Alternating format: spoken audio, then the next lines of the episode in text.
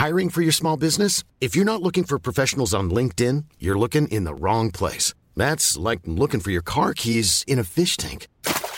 LinkedIn helps you hire professionals you can't find anywhere else, even those who aren't actively searching for a new job but might be open to the perfect role. In a given month, over 70% of LinkedIn users don't even visit other leading job sites. So start looking in the right place. With LinkedIn, you can hire professionals like a professional. Post your free job on linkedin.com slash people today.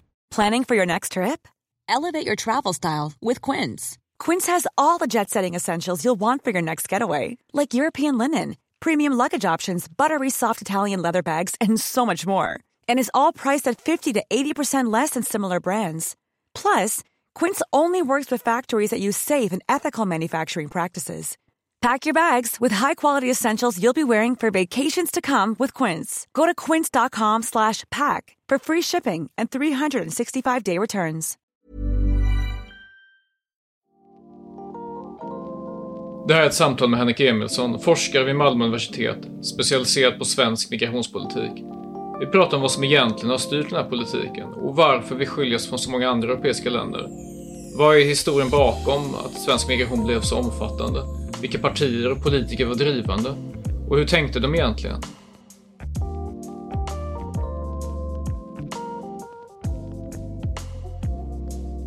Henrik, eh, få som du har väl studerat liksom, migrationspolitiken i Sverige, varit del av den liksom, och, och men, kunnat studera den på så nära håll under så, så lång tid. Och, och som jag förstår det så håller du också på och, och, skriver en bok om svensk migrationspolicy under en jättelång tidsperiod.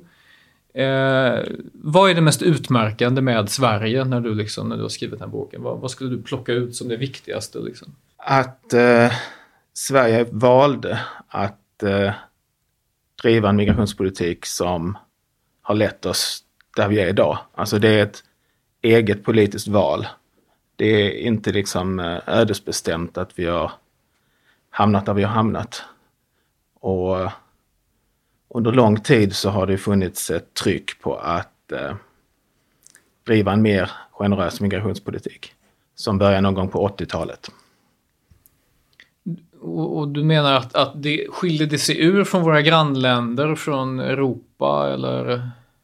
Man kan säga att Sverige började skilja ut sig i slutet på 80-talet. Innan dess hade vi en debatt som, eh, som alla länder, eh, de flesta andra länder hade med att man skulle liksom eh, vara noga med konsekvenserna av migrationen. Det fick inte leda till arbetslöshet, det fick inte leda till segregation. Man skulle ta hänsyn till vad landet klarade av. Så det var väldigt mycket fram till dess, fram till slutet på 80-talet var det mycket liksom, fördelar och nackdelar. Hur ska vi göra de här avvägningarna? Eh, sen försvann den här liksom, försiktigheten under någon gång i slutet på 80-talet. Och det var då som eh, Sen på, när vi kommer till 90-talet då, då började länder som Danmark och Nederländerna och ja, andra länder, de började ändra sin position liksom och, och bli mer restriktiva. Men Sverige fortsatte liksom med sin öppenhet. Så det är ju främst på 90-talet som Sverige började skilja ut sig på allvar. Och hur, hur motiverades det? Alltså inte bara hur man motiverade den här exceptionella eh, hållningen som man hade då. Eh, utan kanske också hur man, hur man motiverade den relativt andra länder. Man motiverade den bara med, alltså främst med principer. Alltså eh, man, man hade ju lagt fram principer om lika rättigheter redan på 60-talet. Att vi inte skulle ha gästarbetare, vi skulle ha så lika rättigheter som möjligt för invandrare som kom till Sverige. Och det var till exempel den principen som gjorde att Sverige gjorde det svårare att utvisa brottslingar till exempel. För att eftersom man inte kan utvisa medborgare så borde man heller inte kunna utvisa eh, icke-medborgare som är brottsliga. Så det var mycket principer som liksom styrde politiken och inte så mycket, man tittade inte så mycket på andra länder. Och sen ville man ju vara lite eh, föredöme i, eh, gentemot FN-systemet. Sverige har alltid haft en stor vidarebosättning av kvotflyktingar. Och sen över tid så blir principen om liksom öppenhet och mänskliga rättigheter rättighetsperspektivet blev ju helt dominant sen eh, på 2000-talet. Och det är väl än, än in i vår tid, alltså 2020-talet, trots att det har varit en, en partipolitisk backlash och en omorientering i alla fall av den parlamentariska högern, men även i viss mån av Socialdemokraterna. Jo, fast nu vill man ju ge, i Tidöavtalet så vill man ju ge invandrare färre rättigheter. Mm. Till välfärd, till familjeåterförening och så vidare. Så att rättighetsperspektivet idag är ju inte dominant på något sätt. Man vill ju ge så få rättigheter som möjligt enligt internationella lagar. Så att eh, det gick väldigt snabbt det där med att eh, rättigheterna var det mest styrande i migrationspolitiken. Skulle du säga att den nivå som Tidöavtalet eh, lägger Sverige på, i det är liksom i paritet med Danmark och Nederländerna som nämnde tidigare? Eller går Sverige ännu längre så att säga, att det man kör på extra hårt? Genomför man allt det som finns i Tidöavtalet, då hamnar vi på EUs eh, lägsta nivå. Det finns inget land som skulle vara lika hård Förutom Danmark, men Danmark är inte med i det rättsliga samarbetet inom EU. Eh, så de får ha vilken politik de vill. Eh, de kan reglera, till exempel så är det nästan omöjligt att komma som anhörig invandrare till Danmark. Och det är bara för att de inte behöver lyda familjeåterföreningsdirektivet. Mm. Så att vi kan aldrig gå lika långt som Danmark inom vissa områden. Eh, om vi inte ska bryta mot EUs mm. lagar och regler. Men genomför vi allt som finns i Tidöavtalet så, så blir Sverige ett jätterestriktivt land. Mm. Också jämfört med övriga eh, EU och Europa. Men det efter att ha haft ungefär 30 år av att ha varit i andra änden av spektrat så att säga. Precis. Mm. Det är liksom att gå från två extremer, en till en annan. Så att, um...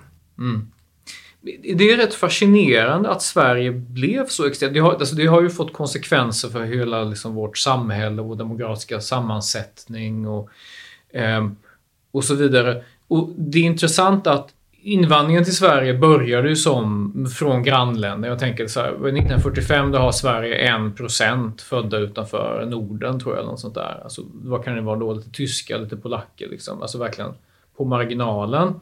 Och innan det så är ju trots att Sverige har den här principen om fritt folkutbyte som det heter på 1800-talet, så det är ju inte en jäkel som vill komma till Sverige. För att varför skulle man åka upp hit? Folk vill härifrån. Och så har vi 60-talet med, med lite arbetskraftsinvandring. Liksom. Och sen 70, 70-talet och framåt, det är då flyktinginvandringen kommer. Men den kommer från ett spännande håll. Det är inte närområdet som så att säga fyller på Sverige, utan det är längre bort ifrån. Kan du berätta lite om, vad, om den perioden? Ja, alltså det viktiga för att förklara varför den utomeuropeiska invandringen blev så stor till Sverige är faktiskt vidarebosättningen. Alltså, historien är sån att efter andra världskriget så fanns det miljontals flyktingar i Europa. Och då ville FN få hjälp med att tömma de här flyktinglägren.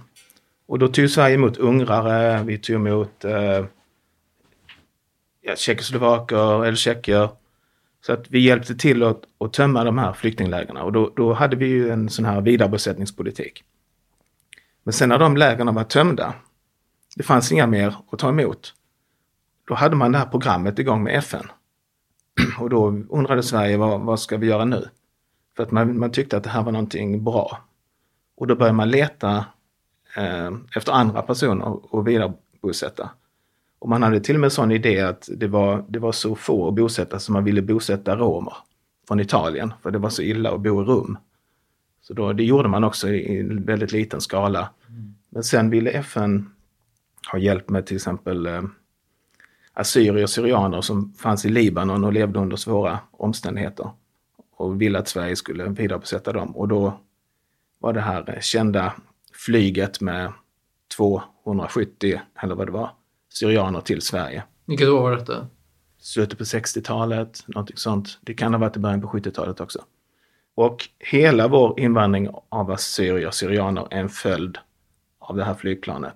Det fanns inte en enda syrian i Sverige innan eh, Sverige vidarebosatte de här människorna. Så att för att folk ska migrera så måste det finnas liksom en, eh, både information och nätverk på plats. Och genom den här vidarebosättningen som Sverige har gjort med olika länder har vi skapat de här kontakterna och nätverken. Så efter assyrierna kom till Sverige så eh, fortsatte de komma spontant. Och då blev det gett, då blev regeringen orolig och tyckte att så här kan vi inte ha det och införde en massa begränsningar och amnestier och begränsningar och amnestier om vartannat. Och det var jättemånga av de här assyrierna som hade bott i Tyskland som arbetskraftsinvandrare under 5-10 år. Som sen valde att omlokalisera till Sverige, för vi hade det här lika rättighetsperspektivet. Så att det är bara ett av många exempel där invandringen från ett icke-europeiskt land har börjat med eh, organiserad vidarebosättning. Eh, så att det är det jag menar lite med att det är politiska val som ligger bakom ofta. Men sen kommer det som en följd av de valen kommer det liksom migration som är svårare att liksom kontrollera. Mm. Och Sverige har ju vidarebosatt eh, från Somalia mycket som, som ledde till eh, mer invandring från Somalia, från Irak, Iran, eh, många andra länder.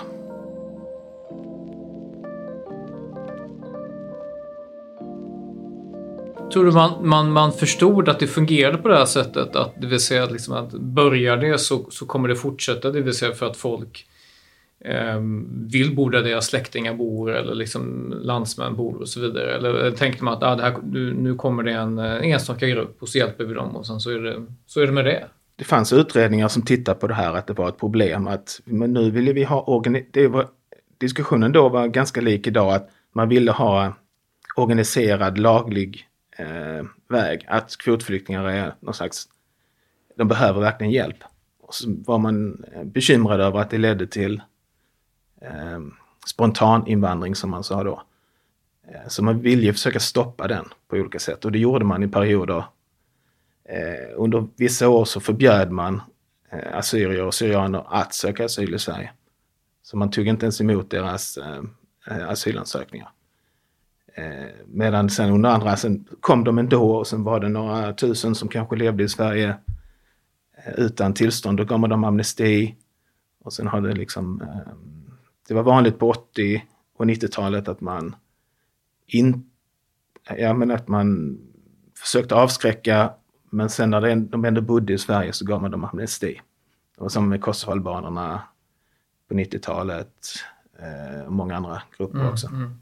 Men medan länder som Nederländerna och Danmark eh, drar åt svångremmen under 90-talet och blir mer restriktiva, även om inte invandringen upphör helt och hållet till de länderna, för det gör den ju inte, eh, så går Sverige i en annan riktning. V vad är det för sorts policybeslut som ligger till grund för att, att ja, främst när start 90-tal väl, att volymen av personer som kommer till Sverige blir mycket större än tidigare?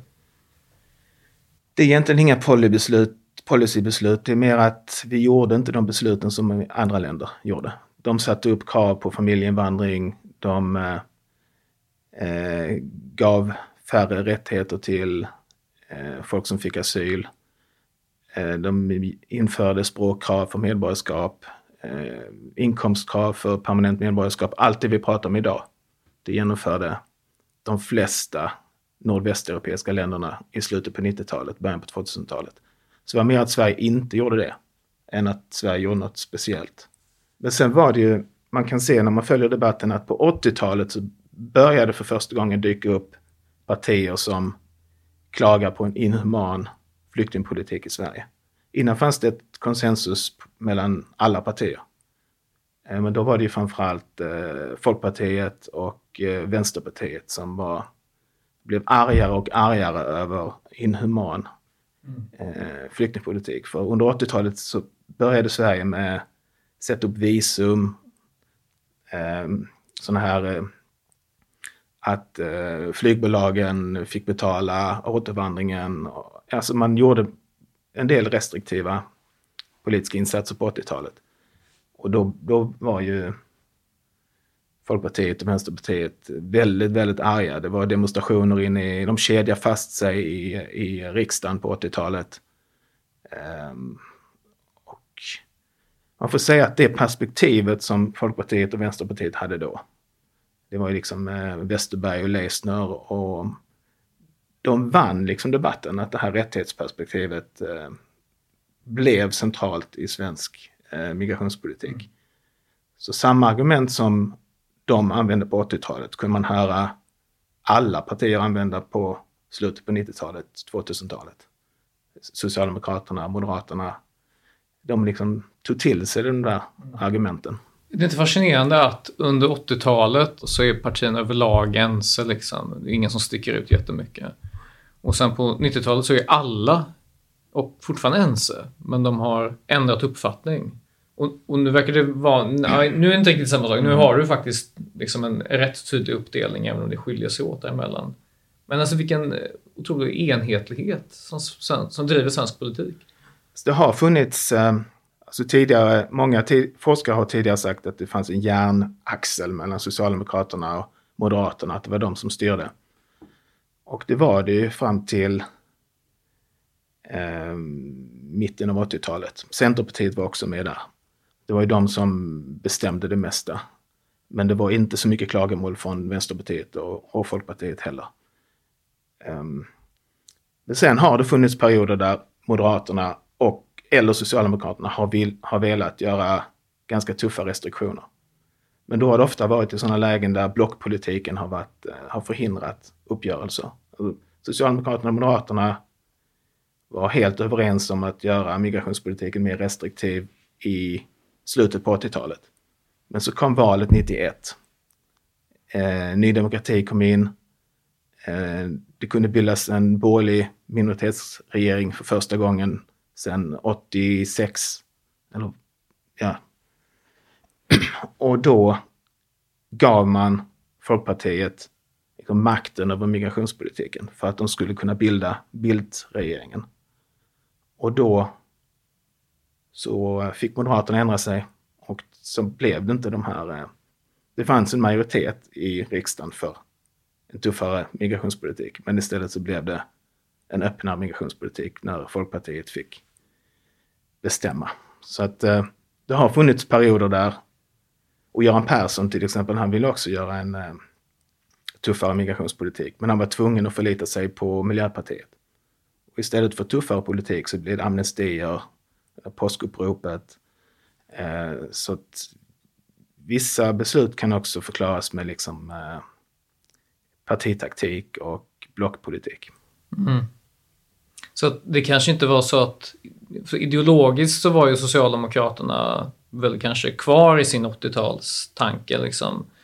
Och, och, Socialdemokraterna hade väl också att de, de lutade sig rätt mycket mot mot LOs idéer i frågan och LO tyckte att det var helt okej okay med flyktinginvandring men de hade någonting emot liksom mer en oreglerad arbetskraftsinvandring.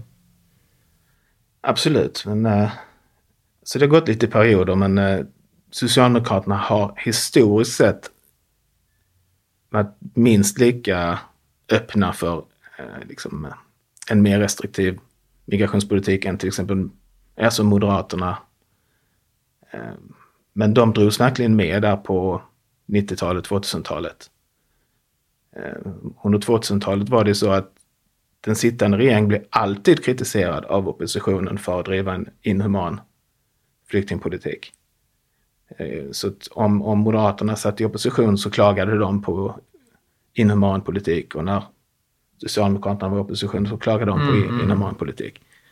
Under, Vilket drev den sittande regeringen, alltså så de trycktes upp mot väggen på något sätt kan man säga. Ja, det var en sån stämning under en tioårsperiod att det gick inte eh, att, att kritisera. Ja, alla var för en öppen politik och det blev faktiskt starkare när Sverigedemokraterna kom in i riksdagen. Då blev det liksom ännu mer otillåtet att vara kritisk. Och det var samma sak när Ny Demokrati kom in på 90-talet. Då ändrade sig Moderaterna lite, att de ville inte stå för sin linje längre. För att det, det var lite för likt mm. Ny Demokrati. Så att det är inte lätt att förklara alla de här eh, historiska liksom, processen för att det är många olika liksom, aspekter i det. Partipolitik, liksom, ideologi. Det, det krävs många liksom, förklaringsfaktorer. Mm. Tycker du, du du har sett någon, någon sorts paradigmskifte i att för att sen 2015. Eh, och med det menar jag, tidigare så fanns det en, en, eh, en sorts, liksom, den som budar högst får ha mest human politik, den som på något sätt framstår som den, den bästa politiken. Vänds det efter 2015 eller ser du olika spår? Vad, vad, är din bild av vad som har hänt sedan 2015? Det är ju åtta år sedan visserligen. Men... Nej, men jag brukar säga som att eh, alla, alla partiers politiska positioner, det är som att kasta upp eh, pusselbitar i luften och så, så landar de på nya ställen allihop. Förutom kanske Centerpartiet och Vänsterpartiet. Så att det var väldigt oklart var vi skulle hamna. Men jag tycker ändå att bara de senaste månaderna när liksom Socialdemokraterna vill ta åt sig äran åt att det är ett paradigmskifte. När, när nya regeringen sa nu gör vi ett paradigmskifte så svarar Socialdemokraterna men det har vi redan gjort. Så nu försöker man liksom skryta om att man var den som blev tuffast först. Så visst, det är jättestor skillnad. Stämmer det att det var Socialdemokraterna som genomförde ett stort skifte? De genomförde ett skifte, men jag skulle säga att det var en temporär lag som de sa att de inte ville genomföra egentligen. Och delar av den drogs faktiskt tillbaka eh, några år senare när man tillät till exempel familjeåterförening igen eh, för alternativt skyddsbehövande. Så att det kändes ju som att Socialdemokraterna ville det vid den tidpunkten men att de... jag ser ändå att Tidöavtalet är ett större liksom, paradigmskifte. Mm, mm, mm. Det, det chockade till och med mig för att det är förändringar på alla områden. Även om jag tvivlar på att hälften ens blir genomförda i praktiken. Vad tror du står i vägen för att det ska genomföras? Då? Att det finns ett starkt motstånd inom partierna. Det finns ett, eh, regler som aldrig kommer att tillåtas av eh, juridiska skäl. Från EU-håll eller från på svensk nivå? Svensk tolkning av EUs eh, lagar och regler. Den politiska processen brukar alltid mjuka upp eh, migrationsförslag över tid Men det bästa exemplet var när jag jobbade i regeringskansliet och Folkpartiet hade gått på val på att göra en, införa språkkrav för medborgarskap. Och då skulle skrivas liksom, direktiv till utredningen som aldrig godkändes av Kristdemokraterna och andra partier. Och sen till slut när det blev en utredning, då slutade den med liberalisering av, migrations, eh, av medborgarskapspolitiken. När tillsättningen skulle vara att den skulle införas krav så att så har det ju sett ut i Sverige att uh, den politiska processen gör förslagen mjukare och trevligare. Liksom.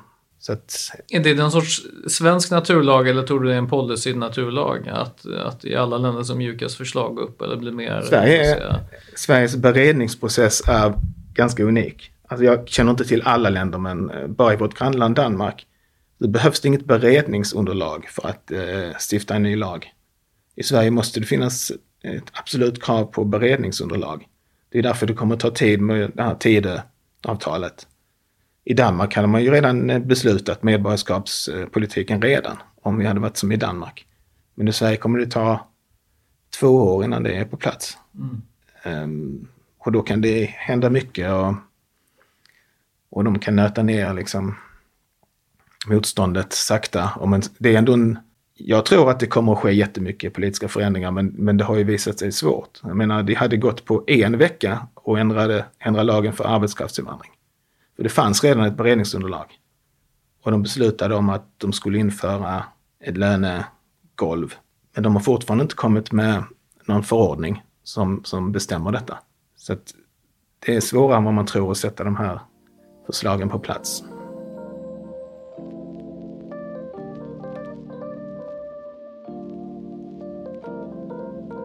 Sverige har ju ändå, eftersom vi har haft en så pass annorlunda eh, migrationspolitik under väldigt lång tid, har ju också inneburit att eh, svensk demografi har ju förändrats mer än många andra länder. Ehm, jag skrev nyligen om att ja, men man borde inspireras av Danmarks eh, sätt att förbättra utanförskapsområden.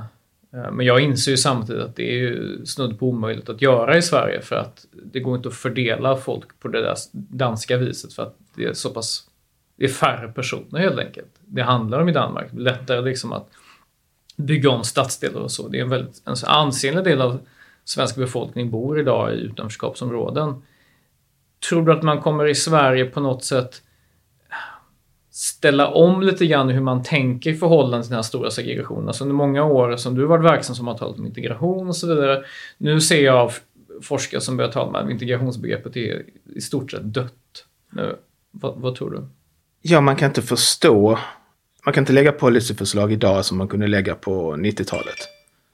Och jag menar, vår, vår diskussion är för präglad av att vi tror att det ser ut som på 90-talet. Alltså spridning av invandrare och, och eh, skolsegregation. Eh, det är precis som många tror att, att liksom det växer upp människor i Sverige som aldrig har träffat en invandrare. Liksom. Det kvittar vilken skola du kommer till i Malmö så är det ju 25 procent personer med utländsk bakgrund. Eh, det är så vi ska leva nu liksom i den här mångfalden. Vi har inget val. Mm. Att, och, men det är känsligt för min kollega Erika Rikard. När hon talar ut om detta i Sydsvenskan att uh, majority minority cities, alltså att i Malmö har vi idag en majoritet av alla unga har utländsk bakgrund. Uh, och att det är en ny situation. Och, men det, hon får ju mycket skit för det, att hon bara påpekar det. Liksom. Det, det, är så. Det, det är fakta liksom. Ja, precis. O, oavsett vad man så att säga, normativt tycker att hur det bör vara så är det så. Det, det, det påverkar ju hur man sen gör i... Eh, Precis. Men i USA har man lite andra integrationsteorier än i Sverige. Då ser man ju integration som en generationsfråga. Att det går lite sämre för första generationen tar man för givet. Och sen studerar man hur det går för nästa generation. Eh, och då har man ju sett att det finns i liksom, samhällen präglade av mycket mångfald. Det finns tre integrations liksom, tre integrationsvägar. Och den ena är ju assimilering in i medelklassen, i majoritetssamhället. En är att man fortsätter liksom att integreras i sin etniska enklav. Och den tredje är att man assimileras till underklassen. Så att mångfalden kommer att bli, det, kommer att vara, det finns ju redan idag hur många utomeuropeiska invandrare och deras barn som är hur framgångsrika som helst. Det ser man ju överallt. Och sen finns det vissa som lever i sin lilla enklav. Inte så många i Sverige. Och sen finns vissa som assimileras in i en underklass, vilket vi ser i kriminalitet och gängskjutningar, där det är liksom en majoritet av de som misslyckas. Så det är väl det vi kan se framför oss, mm. helt enkelt. Tror du, även om det här tangerar det liksom eh, kriminalforskningsområdet, eh, Tror du att Sverige skiljer sig ut när det kommer till gängbrottslighet och sånt? För det gör vi ju relativt andra västeuropeiska länder och eh, nordvästeuropeiska länder. Att det beror på att en så pass stor mängd i absoluta tal har gått till en liksom, har assimilerats in i en sorts uh, utländsk underklass. Ja, alltså Sverige är relativt bra på integration om man ser hur det går för flyktingar till exempel. Det är ju till, exempel fler flyktingar i arbete i Sverige efter tio år än, än i Danmark och Tyskland och Holland och, och jättemånga länder. Vi är faktiskt lite bättre än Norge till och med, fast de har mycket lägre arbetslöshet. Så det är inget fel på den svenska integrationspolitiken när det gäller att få flyktingar i jobb, med tanke på förutsättningarna. Men det räcker med att 10-20 procent misslyckas. Om man har en miljon utomeuropeiska invandrare och 10 procent misslyckas. Det är ändå 100 000 människor. Alltså det är ju... Så visst har antalet liksom, en viss förklaringsfaktor. För att det, det går ju dåligt för vissa. Och det, men det, det, är en ganska liten minoritet, men det blir ändå rätt så många. Mm. Eftersom det i absoluta tal är det, mm. är, är, är det så pass många. Vad tror du det här liksom innebär på på sikt för Sverige? För nu, nu, har vi ändå, du sa tidigare att, att en del leder som, i alla fall inom liksom offentliga miljön, som om man behandlar den här frågan som om det fortfarande var 90-tal. Um, ehm, och nu har vi miljöer där barn möter ingen som är från majoritetssamhället och de möter kanske i stort sett ingen som har svenska som, som modersmål. Eh, ingen har säga, normer och koder från en, liksom en, en svensk miljö. Fortsätter det i, liksom, i generationer så som vi kan se i en del andra länder, det vill säga att du, du får en, liksom, en permanent nästan, ett permanent parallellsamhälle. För att, jag tror ändå att många svenskar har nog tänkt, och många politiker, att ja, det, det tar lite tid och sen så Eh, sen så löser det sig liksom. Att man, man, man tänker att det, det är rent logiskt så borde alla bli svenskar till slut. Men då har jag också tänkt så att de har nog svårt att föreställa sig hur, hur, hur, hur människor fungerar. Att, att om det inte finns någon dragningskraft in i samhället då kan man mycket väl stanna i sin enklav och, och det är ju inte ovanligt. Jag tror faktiskt inte på det. Alltså, det, det skapas någonting nytt i, i de här eh, områdena. Det är liksom eh, mycket präglat av vad Sverige är ändå. Alltså det, det är svårt att undvika samhället i ett mm. land som Sverige. Nej, det skapas någonting unikt svenskt i de här förorterna också.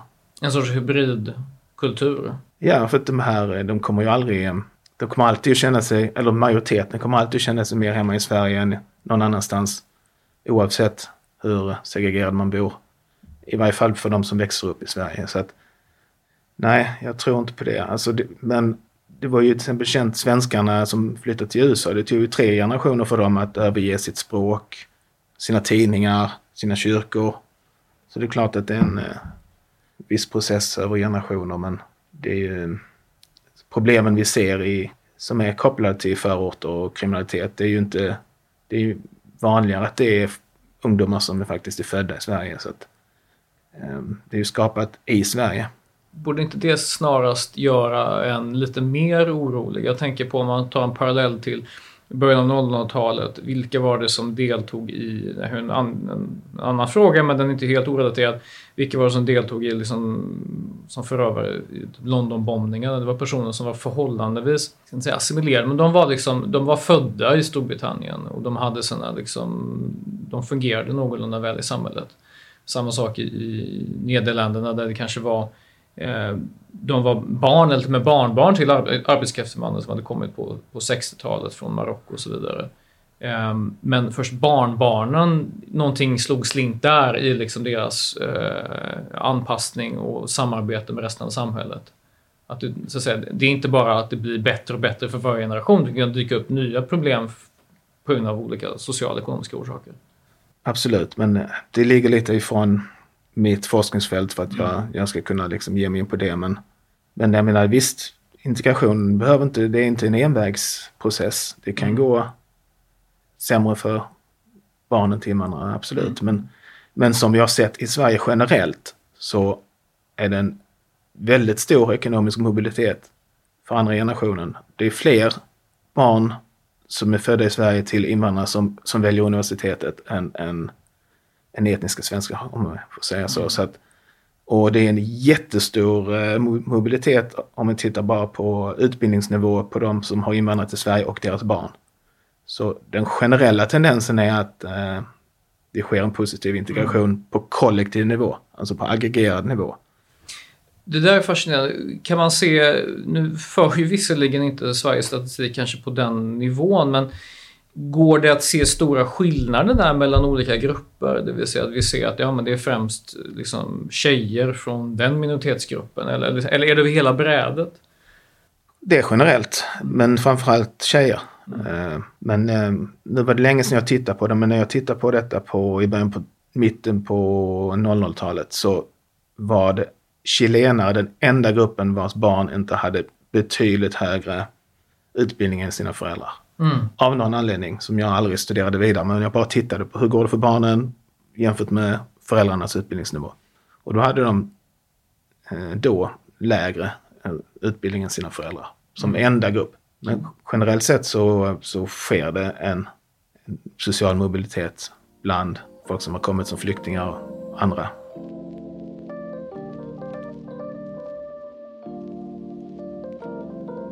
vad, vad, tror du om eh, om framtiden när det kommer just till, till migrationspolitik. Tror du att Sverige kommer liksom stöta på en, en, en, en laglig vägg i form av EU och därför gå tillbaka till en sorts mellanting? Eller eh, tror du att exempelvis, nu vet jag, nu får jag det att spekulera här, men säg att Socialdemokraterna kommer tillbaka till makten, kommer det ske liksom en, en återgång vad, vad, vad, tror du väntar givet om så att säga, ja, den här beredningen som är så långsam och så vidare? Eller kommer det bli så här, varken hackat eller malet så som det var efter 2015?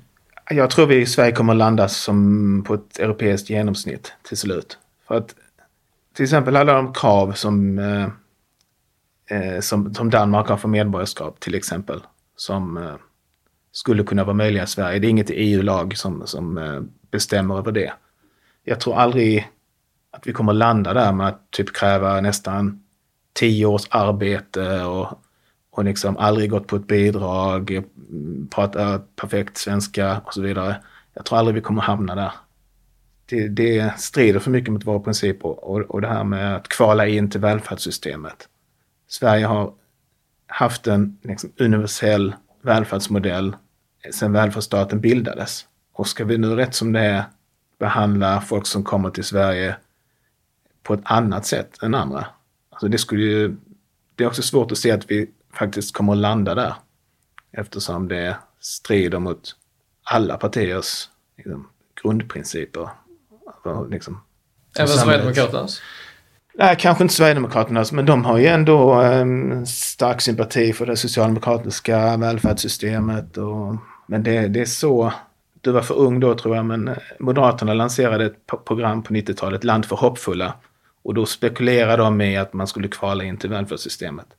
Och den eh, rapporten är nästan omöjlig att få tag på idag. Den är liksom begravd. Den finns bara på Kungliga liksom, biblioteket i två exemplar. Eftersom det var så galen liksom, i, i att lägga fram. Och nu vill man införa någonting ja, liknande. Så att eh, eh, jag tror inte att vi kommer landa där. Mm. Tror, du, tror du att det finns andra europeiska länder som kommer gå en, i en svensk riktning? Eller tror du att Sverige liksom, i backspegeln har varit liksom ett avskräckande migrationspolitiskt exempel för andra europeiska länder? Och då menar jag inte bara våra grannländer. Sverige trodde fram till 2015 att de var ett föredöme för andra länder. Och liksom framhöll det när man skulle åka till EU och hålla sina möten att nu ska vi visa dem att, vi, att man kan göra annorlunda. Men det var aldrig någon som var imponerad. Alltså, jag var själv, eh, när jag var statstjänsteman, träffar man sina europeiska kollegor. Liksom. Och de undrade mest vad Sverige höll på med. Alltså, de var inte, de såg, de jag mötte som var liksom neutrala tjänstemän, de undrade liksom över den svenska positionen. Tyckte den var märklig. Eh, så att Sverige var inget föredöme då, fast vi ville tro det.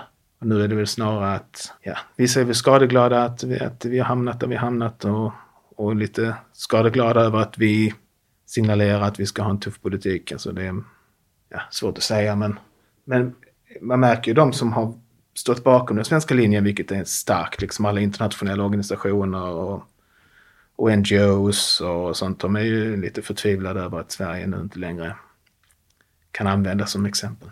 Som exempel på? Att eh, en annan väg är möjlig. Att man kan se rättighetsperspektivet som mm. styrande, eh, principen om fri rörlighet i världen, den liberala drömmen liksom om, eh, ja, om fri rörlighet. Som många liberaler i Sverige tog för givet i sin, när man engagerar sig politiskt på 80-90-talet. Absolut. Och även jag. Jag skrev Liberala ungdomsförbundets program för fri invandring 2008.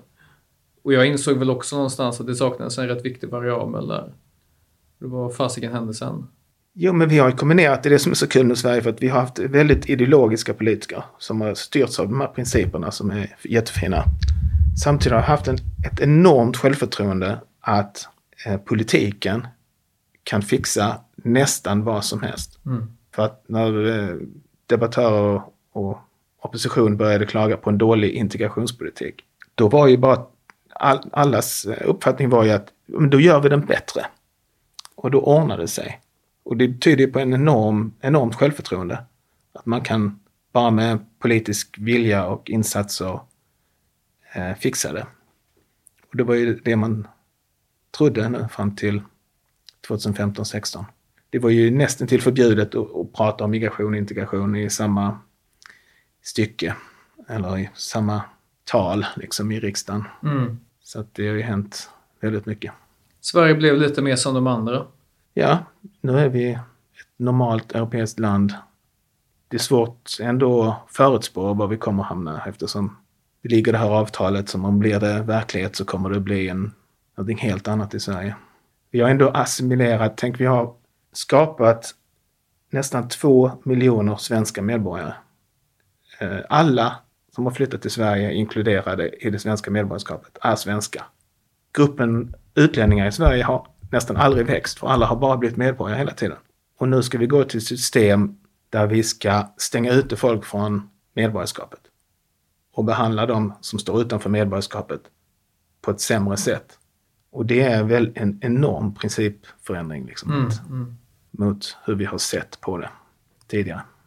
Samtidigt så fanns det väl en, en otrolig skillnad mellan till slut i alla fall, jag vet inte hur befolkningsstödet var på 90-talet för den förda politiken, men det pyrde ju hela tiden under, under ytan liksom och det, och det var väl ett missnöje som inte enbart drevs fram av, eh, av liksom radikala högerextremister utan av rätt många från många partier, alltså väljare tänker jag på då, som tyckte att ja, nu, nu har vi prövat rätt lång tid liksom, att göra politiken bättre. För jag, jag minns också hur jag resonerade. Ja, men om inte det här fungerar då får vi skruva mer på den här ingenjörsmässiga inställningen. Liksom, tills man såg att ah, fan, det, det kanske finns ett grundläggande problem här och att det, det går väl lite för snabbt. Ja, men eh, när jag tittar på det försöker inte jag lägga så mycket egna värderingar. Eh, om det går för snabbt eller för långsamt mm. eller så. Jag försöker mer förstå den politiska processen och varför det händer. Men i början på 90-talet hade vi den mest negativa opinionen som vi har haft någon gång mot flyktingar. Den var mer negativ än under migrationskrisen. Det visar forskning från eh, Göteborgs universitet. Sen sjönk den så att eh, i slutet på 90-talet så var det ganska positiv inställning ända fram till 2010, 13, 14 någon gång där. Men det har ju aldrig varit det har alltid varit lite fler som vill ha mer restriktioner än, än som vill öppna upp mer. Så svensk, om, om opinionen hade fått bestämma så hade vi inte, kan man ändå säga, om, om politikerna hade varit helt lyhörda så hade vi haft eh, en annan politik i Sverige. Mm. Ja, det är knappt att man, man vågar gissa vad som kommer härnäst faktiskt. Eh, om inte ens opinion Eh, eller partiernas åsikter får genomslag, då är det lite som att du sa, det är som att kasta upp alla bitar i luften och se vad som landar. Alltså det är känt inom migrationsforskningen att op opinion inte alltid är det viktigaste. Det beror på hur viktigt väljarna tycker det är, migration, för att det ska påverka ens val. Och sen har vi ändå liksom eh, idéer om eh, internationella rättigheter och, och Genèvekonventioner och EUs rättighetsperspektiv och så det finns ju en stark norm hur man bör hantera migration som påverkar de som är aktiva inom fältet.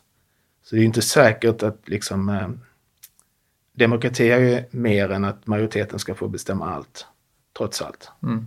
Svenska politiker har nog varit lite mer motsträviga i att följa opinionen kanske. Henrik, tack så mycket för det här samtalet. Tack själv. Tack för att du har lyssnat på Samtal med Zweiman. Producent för det här programmet är Isabella Persson. Mitt namn är Adam Zweiman och det här är en podd från GPs ledarredaktion. Prenumerera gärna på podden så du inte missar något avsnitt. Vi hörs nästa gång.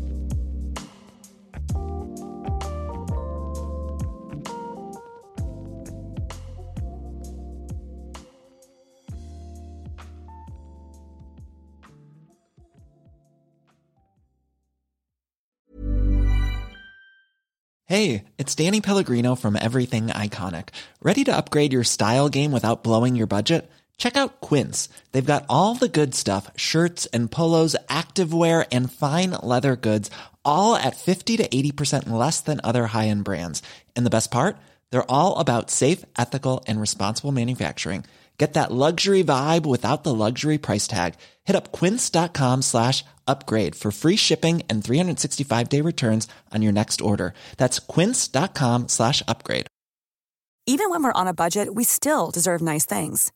Quince is a place to scoop up stunning high end goods for 50 to 80% less than similar brands. They have buttery soft cashmere sweaters starting at $50, luxurious Italian leather bags, and so much more. Plus, Quince only works with factories that use safe, ethical, and responsible manufacturing. Get the high-end goods you'll love without the high price tag with Quince. Go to quince.com/style for free shipping and 365-day returns.